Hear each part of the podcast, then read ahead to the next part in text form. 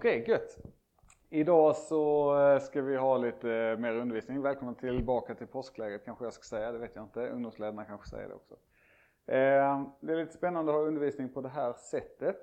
Men det ska nog gå bra. Jag låtsas nu att jag pratar för massa folk, eller det gör jag ju. Men just nu så är det inte så mycket folk här inne. Så. idag så ska vi prata om Jesu uppståndelse och om apologetik. De två är liksom så här. Ehm, och jag kan säga innan också vi liksom kommer igång på riktigt så kan jag säga att om ni har några frågor och funderingar eller så här. De flesta av er, eller många av er i alla fall, känner mig. Skriv på Messenger, skriv ett sms, eh, mejla om ni har några frågor. Jag är inte överbäst på detta, men jag kan en del. Och jag har många vänner som är mycket, mycket bättre på detta än vad jag är. Eh, så då kan vi säkert eh, komma fram till svar. Ehm, det andra jag ska säga också är att det finns i ELU-arkivet så finns det ett undervisningspass av Mats Selander eh, som är svinbra, som handlar om detta. Som är, är, ja, det är också rätt så ytligt, det är detta också. Men det, kommer, det är ändå mer djupgående än, eh, än vad jag kommer att hinna med här. Så det kan man lyssna på. Eh, då kan ni antingen pausa nu och så lyssna på det och sen lyssna på mig eller tvärtom. Jag rekommenderar tvärtom. Yes. Um, uppståndelsen och eh, apologetik då. Vi ska eh, börja med att prata lite om hur man som kristen generellt sett ska tänka kring att prata med eh, folk som inte är kristna. Med, jag kallar dem här i mina papper ofta för skeptiker. Alltså folk som är skeptiska till den kristna tron. De tänker att det är skitsnack typ. Eh, så vi ska prata lite om det och hur man argumenterar, hur man liksom diskuterar med människor och vad som är viktigt att tänka på då. Um, och sen så, då kommer det lite praktiska tips. Och sen efter ett tag så kommer vi gå in i mer konkret kring just uppståndelsen. För uppståndelsen är eh, en big deal i apologetik. Yes, då hoppar vi in i del 1. Del 1 då. Hur ska vi som kristna tänka när vi diskuterar med skeptiker? Jag tror att många av oss, jag själv inkluderad, tycker att det är rätt så svårt att prata med och diskutera med människor som inte är kristna. Alltså det är, det är lätt när man sitter så med sina kompisar och så alla är kristna och så bara yes nu liksom, det här skulle jag sagt till en, eh, en agnostiker som kom till mig. Då skulle jag svarat så här. Och så alla bara klappar på varandra på ryggen och bara ja det är bra skit, det är bra skit. Och sen kommer man ut eh, och så träffar man den här agnostikern på riktigt och så står man där och bara så typ. Eh, kanske inte ni gör, men jag gör det i alla fall. Allt för ofta. Det är svårt, man känner att man har inte svaren, man vet inte riktigt hur man ska formulera sig. Man kanske inte vet alls vad man ska säga. Frågorna kanske upplevs som jätteknepiga och så här. Eh, det är ju ena sidan. Sen finns det också de agnostikerna eller skeptikerna då som är helt ointresserade. De bara säger, ja ja, kul för dig, nice, bra att du tycker det. Jag tycker det här, men det är ju liksom, var och en får tycka vad de vill. De är nästan värre tycker jag. Eh, och ännu svårare. Ingen av de två lägren gör ju att man känner såhär, bara yes, nu kör vi, nu ska vi diskutera vidare, nu är det bara full on liksom. Eh, utan det, det, det, kan upplevas rätt så jobbigt. Eh, så frågan är hur vi gör då, eller hur ska vi tänka? Och jag tror att det finns tre bra saker att hålla i bakhuvudet när man ska prata om sin tro. Eh, så de kommer här då. För det första, och kanske en av de allra viktigaste grejerna som jag tror att vi ofta missar och som människor i allmänhet ofta missar. Eh, det är att alla har en livsåskådning som man lever efter. Oavsett om man har tänkt igenom den eller inte. Och som kristen ungdom eller vuxen så är det troligt, skulle jag säga, väldigt troligt att du har tänkt mycket mer på det här än vad den du diskuterar med har gjort. Eh, speciellt om, eller i alla fall än vad gemene man har. Alltså vanlig eh, medborgare i Sverige generellt sett så har de inte funderat så mycket på livets stora frågor. De har liksom, man lämnar det någon gång där efter tonåren kanske. Eller ens om man någonsin har gjort det. Och sen så tänker man att ja, ja men livet är som livet är och så kör vi på typ. Um, så som kristen har du nog tänkt mycket mer på hur hänger världen ihop, vad är meningen med livet, varför finns vi? eh, och så vidare. Finns Gud överhuvudtaget? Eh, men alla har liksom ett sånt system som de lever efter. Alla har, alltså de tänker ju någonting, man utgår från någonting när man lever. Eh, man har liksom grundantaganden i livet. Det kan vara, vissa saker är helt självklara, eh, alltså som vi delar, typ så här gravitation fungerar. Ja, det är rimligt att anta det. Eh, för att vi upplever det hela tiden typ. Ehm, så att vi, antar, alla, vi lever liksom utifrån att gravitationen fungerar. Vi kan få, eh, vi antar att naturlagarna stämmer och därför kan vi få kunskap om världen. Vi kan mäta saker, vi kan se att ja men om en person eh, är smittad med en eh, virussmitta, vi behöver inte, vi tar någon random, eh, covid-19. Eh, och så kommer den i snitt att eh, överföra det på det här och det här sättet. Vi kan mäta sådana saker liksom. Ehm, och det är grundantaganden vi har därför att vi antar att naturlagarna stämmer och naturen är ordnad. För övrigt, fett gudsbevis, men det ska vi inte prata om nu. Ehm, och alla människor i världen, antar jag, lever utifrån sådana antaganden. Att gravitationen funkar, solen går upp för att jorden roterar, bla bla bla bla bla. Eh, och de här grundantaganden, de styr vårt liv. Eh, och de styr hur vi agerar. Problemet, eh, om, eller hur man vill se det, är ju att många människor de verkar inte tänka på detta. Alltså man, man reflekterar inte över att man skulle ha sådana grundantaganden. Eh, man tänker inte kring dem. Och man, verkar, man är inte medveten om stora delar av de här grundantaganden. Om du tänker så här till exempel, dina klasskompisar säger att det är ondska, alltså det är ont att vara massmördare. Det är rätt rimligt. Jag, jag tycker det är rimligt i alla fall. Men det uttalandet, att säga det, det utgår ifrån ett grundantagande. Att det finns någonting som är objektivt gott och det finns någonting som är objektivt ont. Alltså oberoende av vad jag tycker eller vad du tycker, så är det ont att mörda massa människor. Men om du skulle liksom fråga någon typ så att, ja men hur, är din, hur bygger du din moraliska grundantagande? Vem avgör eller vad avgör vad som är gott och ont? Då är det de allra flesta människor som du träffar, tror jag, skulle inte ha någon aning om det. De har liksom inte tänkt så långt utan man har bara tagit auktoriteter som har sagt och det behöver inte vara en person som har sagt det är ont att mörda. Utan det kan vara så här, man är upplärd i det och så har man hört tusen gånger på olika sätt så har man liksom format den åsikten, bara just det, ja men det, det är ont att mörda. Um, men man kan inte svara på liksom eh, vem som bestämmer vad som är gott och ont. Och de flesta människor har då svårt att svara på ett rimligt sätt. Eh, här, parentes igen, moraliskt gudsargument, 5 av 5. Ehm, och det är för att man inte har tänkt igenom grundantagandet. Så. För många bara är det så. Har ni, är ni med på vad ett grundantagande är då? Det är någon sån grej. Eller ja, jag ser inte om ni är det, men jag antar att ni är med på det. Och för oss som är kristna så är det precis som för alla andra. Det är, vi har inte tänkt igenom alla våra grundantaganden, absolut inte. Men som jag sa så tror jag att vi har tänkt mer än vad de flesta andra har gjort. Eh, det är mer eller mindre omöjligt att tänka igenom alla sina grunder. Alltså så här, om jag skulle börja fundera på, kring naturlagarna, jag fattar ju inte dem. Alltså det är bara så här, rent intelligensmässigt så är jag inte tillräckligt smart eh, för att förstå massa av de grejerna och fysiken kring det och hit och dit. Så då bara, då tar jag liksom, de som kan det, de säger att det är så här, okej okay, fine. Jag accepterar. Ehm, men tanken på att vi har tänkt mer, eller det är liksom faktumet att vi har tänkt mer, det innebär att vi ofta har bättre förhandlingsläge än vad vi tror när vi diskuterar med andra människor.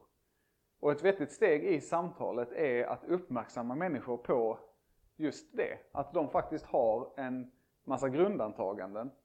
Och försöka tänka så okej okay, nu sa du precis det här. Men det innebär ju att du tänker, om vi säger att så här, men det, är, det är ont att mörda. Det är ondska. Okej, okay, det då tar vi det ett steg längre och så tänker vi, ja jag håller med om att det är ont att mörda. Men varför tycker du det är ont att mörda? Alltså vad, vad, liksom, var, vem, vem har bestämt att det är ont att mörda? Tycker du? Eller tror du? Och det ger ju en öppning till att fundera på att de måste börja tänka på vad, vad, vem, liksom, vad, gör det, vad är det som gör att jag säger att det är ont? Och vad är ondska egentligen? Och vem bestämmer och hur delar man in? Och plötsligt så blir det hjärnsprängning och eh, allting blir väldigt trevligt för dig. För att du kan komma med din bild av att ja, men jag tror på en god Gud som har skapat verkligheten och som också då har delat in, här är objektivt gott, här är objektivt ont. Um, många människor skulle till exempel, om de får det, nu blir det lite moralargument ändå för att jag tycker det är så bra, um, skulle till exempel säga som svar på vem är den yttersta auktoriteten och bestämmer gott och ont, skulle kanske säga sig själv. Och då vandrar man ju snabbt in i den här subjektiva moralen där man säger att ja okej okay, men jag, Oskar Wikdahl, tycker att det är eh, gott att mörda. Och då har inte du, du kan liksom inte säga att det är ont att mörda. Därför att jag är ju den högsta auktoriteten för gott och ont. Och du är också den högsta auktoriteten för gott och ont. Och din kompis också, och din mamma och din lärare. Och plötsligt så spelar, alltså finns det ingen objektiv eh, det finns, ing, det finns inget objektivt gott och ont utan alla bestämmer själv. Och därför kan jag inte heller döma någon som säger att du kan inte döma mig när jag säger att det är gott att mörda. Och där, mina vänner, är det många som skulle slita sitt hår och bara nej fast det håller jag inte alls med om. Och då kan man komma bakom och börja prata och så vidare. Och så, vidare. Yes. så tips nummer ett är att uppmärksamma folk på sin egen livsåskådning och att de har den och så får de att börja tänka efter. Inte för att sätta dit dem, utan därför att för både dem och för dig så ger det en öppning att prata om det som är viktigast i livet, nämligen Jesus Kristus. Okej, okay, det var nummer ett. Nummer två. Hur du agerar, eller hur du är, spelar roll för hur, din, för hur andra uppfattar din argumentation. Vi är liksom inte, som människor så lever vi inte så i något cold logic society där om jag levererar svinbra argument, oavsett hur jag är, så kommer du bara, ah, det är sant. Du träffar mig rakt i hjärtat. För vissa människor är ju mer så, att man kan liksom oavsett vem som ger argumentationen, oavsett vem som säger det, så, eh, så går man liksom på kalla fakta.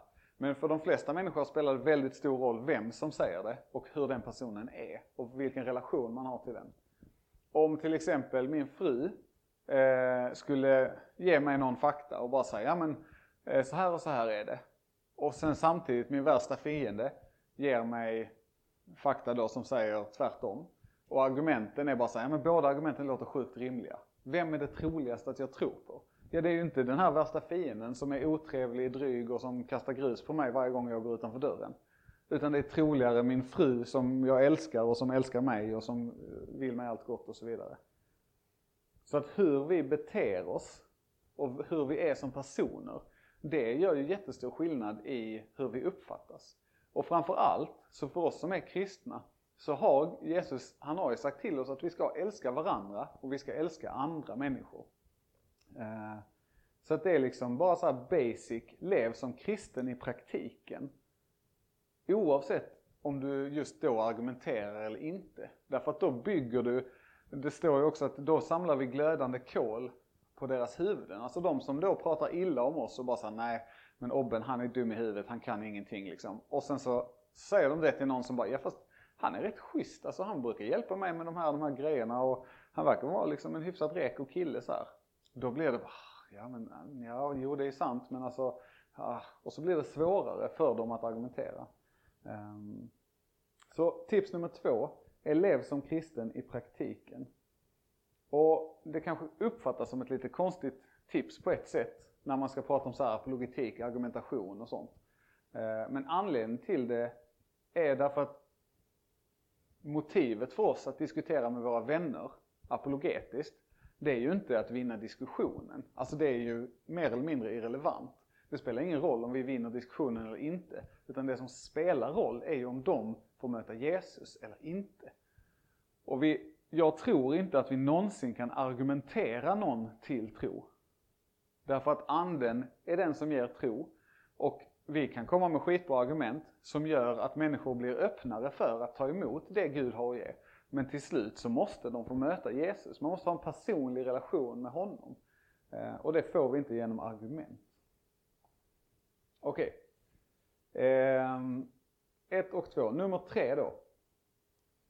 Tips nummer tre. Slipa på din argumentation. Förbered dig helt enkelt. Paulus säger att vi ska vara beredda att svara var och en som frågar oss om vår tro. Och för att kunna göra det så behöver vi slipa på vår argumentation. Ehm, det här tipset är egentligen uppdelat också i tre delar. Många delar nu, tre och sen tre, men ni klarar det. Ehm, så vi kallar dem för 3A, 3B och 3C. 3A. Hur skulle en skeptiker se på den argumentationen som du för? Alltså om du börjar argumentera och liksom tänker igenom vad du skulle säga typ. Och så ställer du dig lite bredvid och så tänker du, hmm, hur uppfattas det här nu? Det finns ett eh, skönt eh, exempel, eller en loop, som många kristna tenderar att fastna i. Andra också, men det är rätt så vanlig eh, argumentationsfel. Om du tänker så här, en kristen säger bara, ja men Jesus har uppstått. Och så säger skeptikern, hur vet du det? Och då säger man som kristen, jo för Bibeln säger det.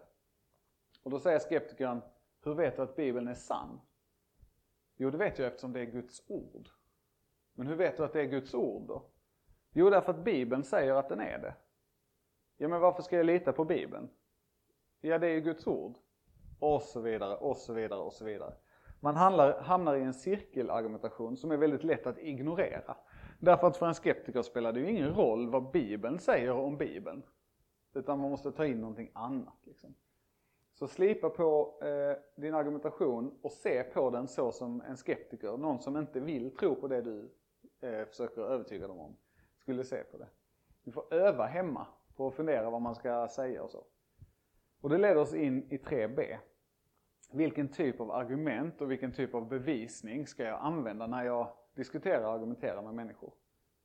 Det behöver vi fundera på därför att vi vill vara så effektiva som möjligt. Vi har begränsad tid och vi har begränsat engagemang från de som vi diskuterar med. De kan tröttna, de lackar ur, de tycker vi är dumma i huvudet, whatever.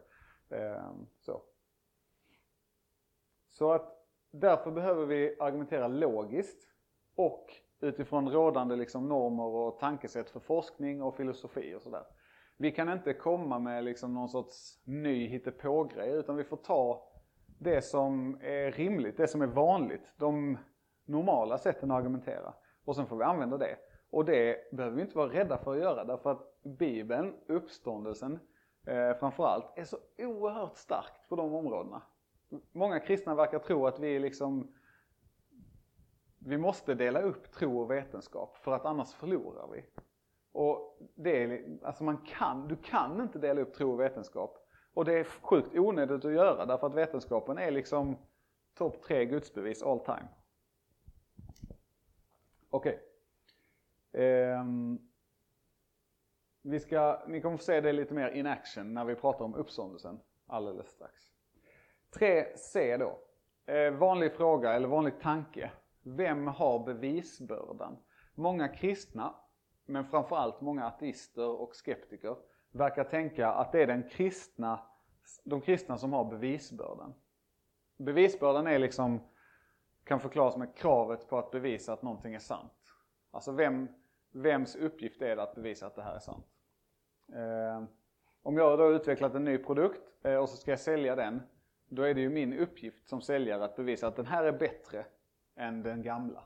Jag har bevisbördan. Liksom. För att eh, jag säger ju att den är bättre obviously, jag vill sälja mer. Och många skeptiker utgår som sagt för att de kristna har bevisbördan. Och sen så är de, tänker de att de är safe i sin lilla bubbla av så här, eh, ja, någon sorts naturalistisk ateism eller vad det nu kan vara. Eh, problemet, som vi kommer att se med uppståndelsen också, eh, är att det i de allra flesta fall eller många fall i alla fall, ligger bevisbörda på båda parter. I vissa avseenden, om vi typ så här tittar, nu står jag och tittar på massa stolar här, de ser inte ni, men ni kanske sitter på en. Eh, så tänker ni, den stolen, ja men den finns. Det tror du, men din kompis som sitter bredvid tror att den inte finns. Så bara, ja fast den är ju här. Då är det kanske upp till kompisen att bevisa att du har bevisbördan på din kompis som säger att den inte finns för att du sitter på den liksom. Du hade ju fallit annars och bla bla bla. Det är ju ett fall när bevisbördan tydligt ligger på någon, en sida. Liksom. Men när man tänker om saker där vi inte kan vara säkra, då ligger ju bevisbördan på båda sidor. Om vi till exempel skulle argumentera om Guds existens, så är det tydligt att bevisbördan ligger på båda parter. bevis, det, man kan inte säga att så här, ja, men det är bevisat att Gud inte finns. Eh, därför att den enkla motfrågan blir så här, okej okay, men kan du presentera de bevisen för mig? Och det, alltså, sorry till ateisten, men det kommer den personen inte kunna göra. Inte på ett sätt som är liksom, ja men 100% utom allt rimligt tvivel, Gud finns inte. För det kan vara så, troligtvis kommer det att ske då, att den här ateisten kommer ju hämta massa bevis och bara, ja men här är massa bevis. Kolla här, eh, Christopher Hitchens säger detta och detta och detta och det är tydliga bevis mot. Så bara, ja okej, okay, jättebra. Här har vi en debatt mellan Christopher Hitchens och William Lane Craig. Där William Lane Craig debat, liksom dementerar alla Christopher Hitchens eh, argument. Okej, okay, har du några fler argument? Alltså det, ni fattar vad jag menar, att det, bevisbördan behöver ligga på båda. Och vi tjänar på, du som är kristen i en argumentation, du tjänar på att se till att bevisbördan ligger på båda personer. Återigen, inte för att vara elak, inte för att sätta dit någon. Men för att vara ärlig, det ska vara rättvist. Det ska vara liksom, målet är att människor ska få möta Jesus. Och då är det rimligt att vi också presenterar hålen i deras argumentation. Och därför är till exempel i frågan om Guds existens så ligger bevisbördan på båda, men det gör den också i frågan om uppståndelsen. Det är upp till båda sidor att presentera sitt case och att göra det så bra som möjligt. Man kommer liksom med, här har vi faktan och sen så försöker, försöker man förklara den på olika sätt. Okej, okay, slut på del 1 kan man väl säga då. Innan, jag ska bara, eh, okej, okay, inte riktigt slut på del 1 faktiskt. Ehm, jag vill bara återigen poängtera det här med att många kristna, många av er, eh, antar jag, intar liksom den här defaultställningen att jag har bevisbördan, jag är i försvarsställning, jag måste, det, det är upp till mig att lägga fram bevis. Men vänd på steken på så sätt att du lägger fram dina bevis, precis som du skulle gjort om bevisbördan bara låg på dig. Men se också till att den du diskuterar med måste ha varit, alltså den måste ha saker att stå på. Luft går liksom inte att stå på bara för att man tror på det. Att man tror att jag kan stå här. Eh, och så är ateisternas lilla luftslott. Don't quote me on that. Yes. Slut på del 1. Dags för del 2. Uppståndelsen. Vi ska prata lite om uppståndelsen, lite argument för och emot. Kan man säga. Eh, och målbilden här är ju att ni efter detta ska först och främst bli stärkta i er egen tro på att det som ni har lärt er, det som ni tror på, det är verkligen sant och det finns rimliga skäl att tro på det. Men sen är det också så att vi vill, eller jag vill, att ni ska, tack Zacke, eh, att ni ska tänka att det här är bra grejer. Det här vill jag liksom, det här kan jag använda. Skriva ner lite. Tips är att anteckna om ni inte redan gör det.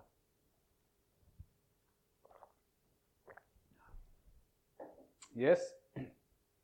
Det som är problemet med uppståndelsen, det är också gött när man gör sån här eh, luft, eh, fingrar i luften. För att om det nu, ni lyssnar på den här inspelningen och inte kollar på videon så såg ni inte att jag gjorde fjuppar runt problemet. Citationstecken heter det för er som är svensklärare eller dylikt. Eh, ja. Eh, problemet med uppståndelsen, eller det där diskussionen står, det är det faktum att Jesus har blivit levande igen. Rätt så rimligt. Det är liksom, man kan prata om hur eh, han, eh, så här, har Jesus funnits och bla bla bla bla bla. Det kan man prata om på så här högstadienivå, vissa på gymnasiet kanske, eh, bland dig och dina kompisar för att ni har inte koll på forskningsläget. Men om till exempel din religionslärare säger det så kan ni be dem läsa på. Det står faktiskt i läroplanen att eh, undervisningen undervisning ska vara grundad i forskning. Take it from a teacher.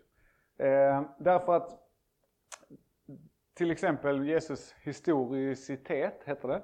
Eh, det vill säga att han faktiskt har funnits. Det är liksom ställt utom allt rimligt tvivel. Det finns ingen seriös forskare idag, eh, historiker eller bibelforskare, som skulle tvivla på det. Eh, bevisningen är alldeles för stor. Så att vi lämnar liksom alla de grejerna och så går vi direkt på uppståndelsen. Det är ändå påsk. Och för att kunna säga bu och bä, eller bu eller bä säger man, eh, om uppståndelsen så finns det tre saker vi måste ta hänsyn till och som vi måste förklara. Det första är, graven var tom. Vi ska prata lite om hur troligt det är att den var det och så vidare. Det andra är, Jesus visar sig efter döden. Samma sak där, vi ska prata om det snart. Och tre, lärjungarnas övertygelse om att det här var sant. Det är de tre grejerna man måste ta hänsyn till. Och de tre grejerna som tillsammans utgör liksom en, alltså om du frågar mig, helt ogenomtränglig liksom mur av argument. Eh, den är liksom oändligt hög, oändligt bred, oändligt tjock. Det går inte att komma förbi det om man är ateist. Eh, men innan vi gör det så måste vi konstatera två saker. Eller nej, en sak. När man diskuterar uppståndelsen så kan man ha två olika utgångspunkter. Den ena utgångspunkten är att allting är naturligt, det finns inget övernaturligt. Det finns liksom inte ens minsta lilla mikroskopiska chans att det finns något som är övernaturligt. Eh, det finns inga öppningar för det. Gud finns inte och det är helt omöjligt att han finns och så vidare. Och så vidare. Det är det ena sättet att tänka. Det andra sättet att tänka är att det möjligen, kanske, jag vet inte men troligtvis inte men kanske ändå skulle kunna finnas någonting övernaturligt. Det är liksom en teoretisk möjlighet att Gud existerar och därmed också övernaturliga händelser. Det första sättet att tänka eh, är ett sätt att tänka där det inte spelar någon roll hur man argumenterar sen. Därför att den personen som tänker så har redan bestämt sig. Det är liksom, här, här, är, mitt, här är min låda av åsikter. Inget som rör sig utanför den eh, är vettigt och jag kommer aldrig ändra på någonting. Jag kommer inte flytta mina väggar. Den inställningen är tyvärr förhållandevis vanlig idag och inte bara på detta området. Eh, men en sån inställning är också i grunden väldigt farlig eh, generellt sett. Om du applicerar den på forskning till exempel, på sjukvård, lärande eller vad som helst. Så inser man rätt så snabbt att de som då säger sig ha hittat hela sanningen var färdiga liksom. Eh, de har hittat mirakelmedlet eller den här perfekta metoden för undervisning. De kommer aldrig utvecklas de kommer aldrig att kunna ta till sig någon ny. Alltså om så här, ja men jag har redan förklaringen. Och sen så kommer det lite ny forskning, som någon annan gör då för att den här personen sysslar inte med det. Som bara säger det är jättetydligt motbevis. Så bara nej, jag har bestämt mig för att det här är sant. Alltså det... Jag tror att om man pressar människor så är det få som har den, den typen av inställning. Men i första liksom mötet så är det många som uppvisar en sån egentligen är det helt idiotiskt alltså. Sorry to say. Eh, du kommer aldrig kunna släppa in något, du kommer aldrig kunna diskutera något med någon för att du är liksom redan färdig, du har alla svaren. Den andra inställningen, eh, att övernaturliga saker kan hända, Gud kanske finns och så vidare. Den representerar ju inte bara sådana som mig som tror att Gud finns och har visat sig och så vidare, och så vidare utan också typ alla vettiga människor i världen. Ja, lite väl kategoriskt. Men kanske. Det är ju, finns massor med skeptiker. Alltså folk som inte tror att Jesus har funnits eller är Gud. Eh, eller att Gud finns överhuvudtaget. Agnostiker ateister. Det finns massor med sådana människor som ändå är öppna för att teoretiskt så finns det en chans att det skulle vara så. Och den sättet att tänka är liksom vettigt. Eh, därför att det gör att du kan, du är öppen, du prövar, omprövar din åsikt du är öppen för ny bevisning, nya argument, nya tankar. Det sättet att tänka är effektivt, det är sanningssökande, det gör att du kommer vidare. Eh, det är så typ all forskning fungerar ju på det här sättet. Ingenting är omöjligt, vi har inte fattat det ännu bara. Typ så. Eh, och det är den inställningen man måste ha när vi ska prata om uppståndelsen. Okej. Okay. Snart färdig. Ja, okej, okay. det var lugnt. Om en stund är vi färdiga. Tre grejer då. Det första, graven var tom. I princip alla seriösa bibelforskare idag och historiker generellt som har bemödat sig om att lägga tid på det här ämnet. De är eniga att det är ställt utom allt rimligt tvivel att graven var tom på söndagen efter att Jesus hade dött. Då ingår liksom det här att han faktiskt dog. Ehm, det är som man brukar kalla det, ett historiskt faktum och ungefär så väl underbyggt eller mer eller bättre underbyggt än det mesta vi vet om historien. Eh, som sträcker sig längre tillbaka i alla fall än typ 500-700 år. Eh, och det baseras framför allt på att det finns flera av varandra oberoende källor som säger att graven var tom. Eh, dessutom är de här källorna daterade då till cirka 40 100 efter Kristus, alltså de skrevs då. Eh, vilket gör att de är skrivna 10-70 år efter den faktiska händelsen. Ehm, och det verkar också troligt, som andra argument då, att kyrkan, eller när liksom, ehm, när detta skrevs då, 10 till 70 år efter, så var det redan etablerat faktum. Alltså det var en, det var någonting folk i allmänhet visste, att graven var tom då. Och det handlar inte bara om de kristna utan det handlar om det judiska folket, judiska ledarna, de romerska myndigheterna och så vidare. Det vill säga det är rätt så tung argumentation. Det tredje skälet att tänka att eh, Bibeln var tom, eh, Bibeln var tom, graven var tom, Bibeln var full med bra saker. Eh, det var att det var kvinnor som var vittnen om det.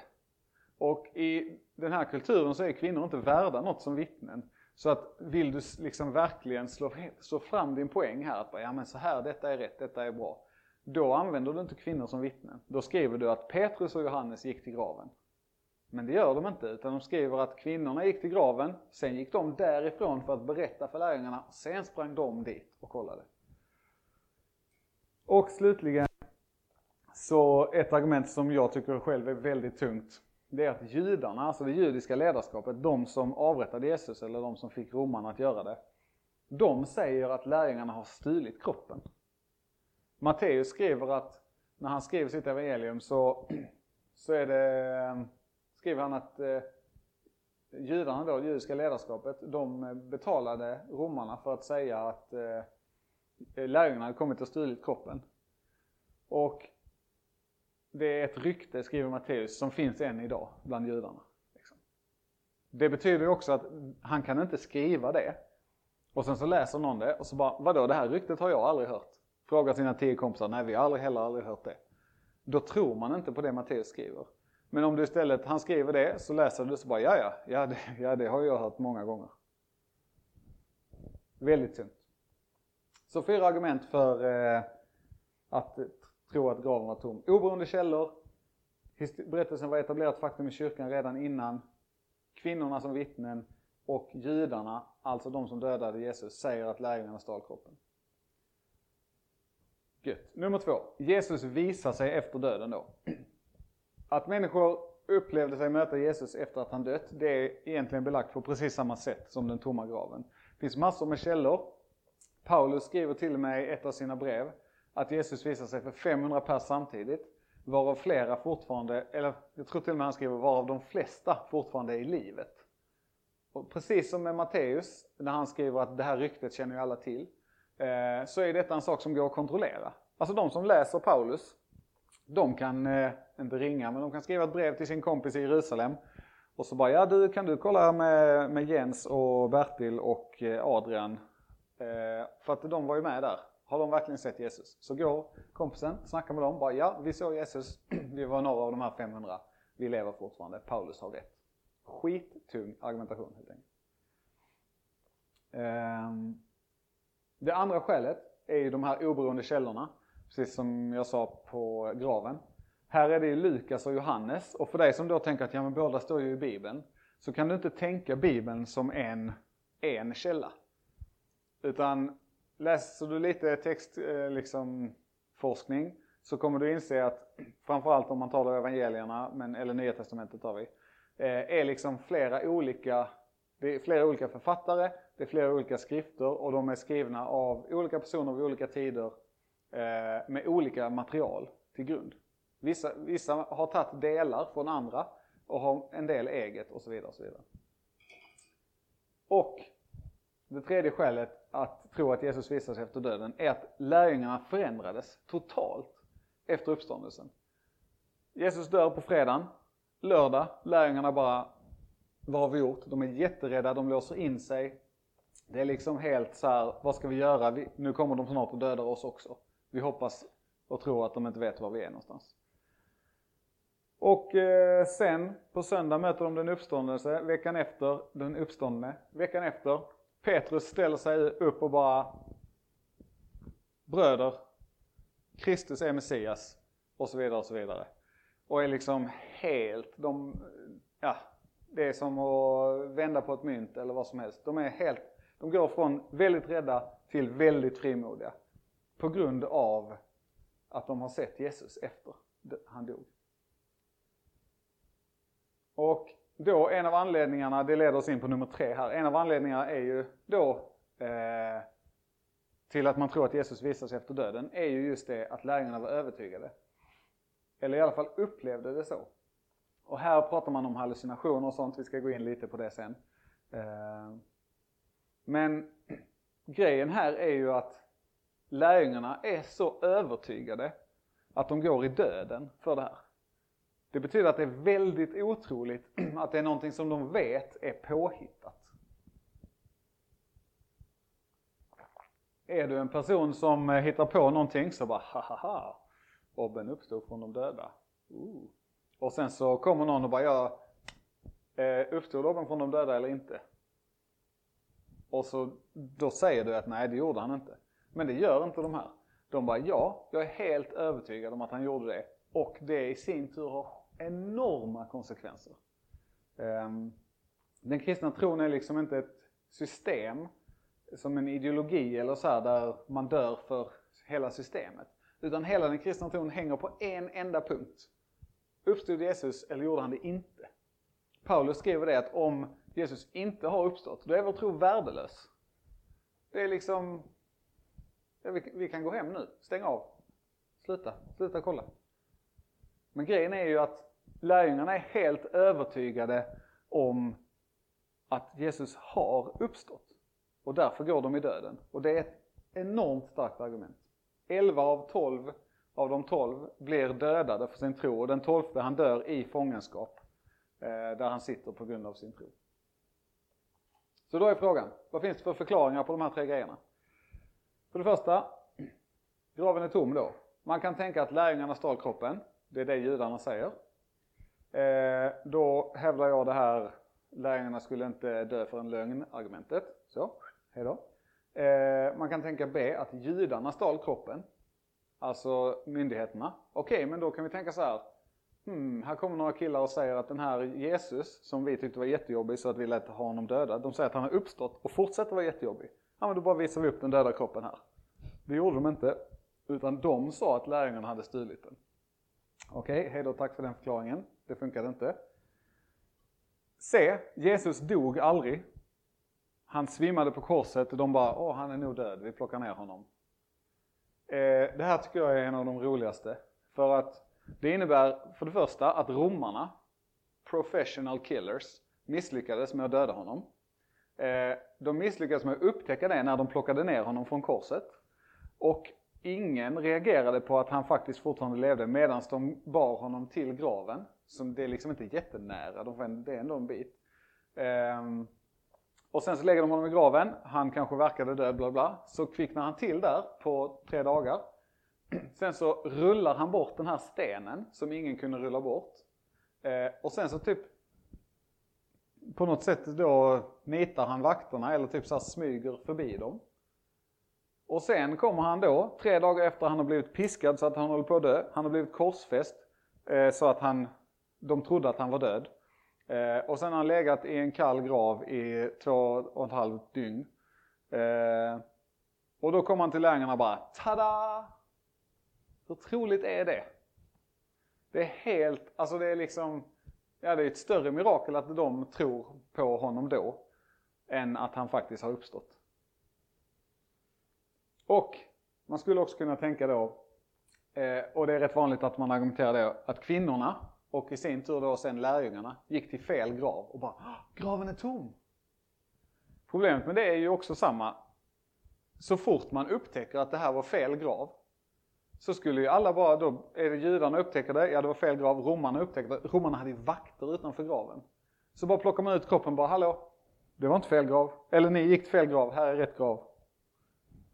Ingen av dem funkar. Den mest troliga förklaringen till att graven var tom är att Jesus har uppstått. Okej, okay. Jesus visar sig efter döden. Den mest använda bortförklaringen, eller vad man säga, naturalistiska förklaringen här är en masshallucination. Alltså att alla människor som såg Jesus efter döden, de hallucinerade. Det enklaste och bästa argumentet mot detta är att Jesus åt fisk.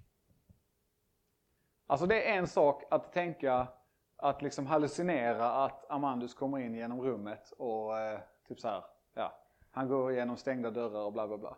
Det är en helt annan sak att titta på den fisken där som jag precis har käkat lite av, som jag ser och vet ligger på den här tallriken. Se min hallucination gå fram, plocka den, äta den. Och sen så efter hallucinationen har gått så finns inte fisken kvar längre.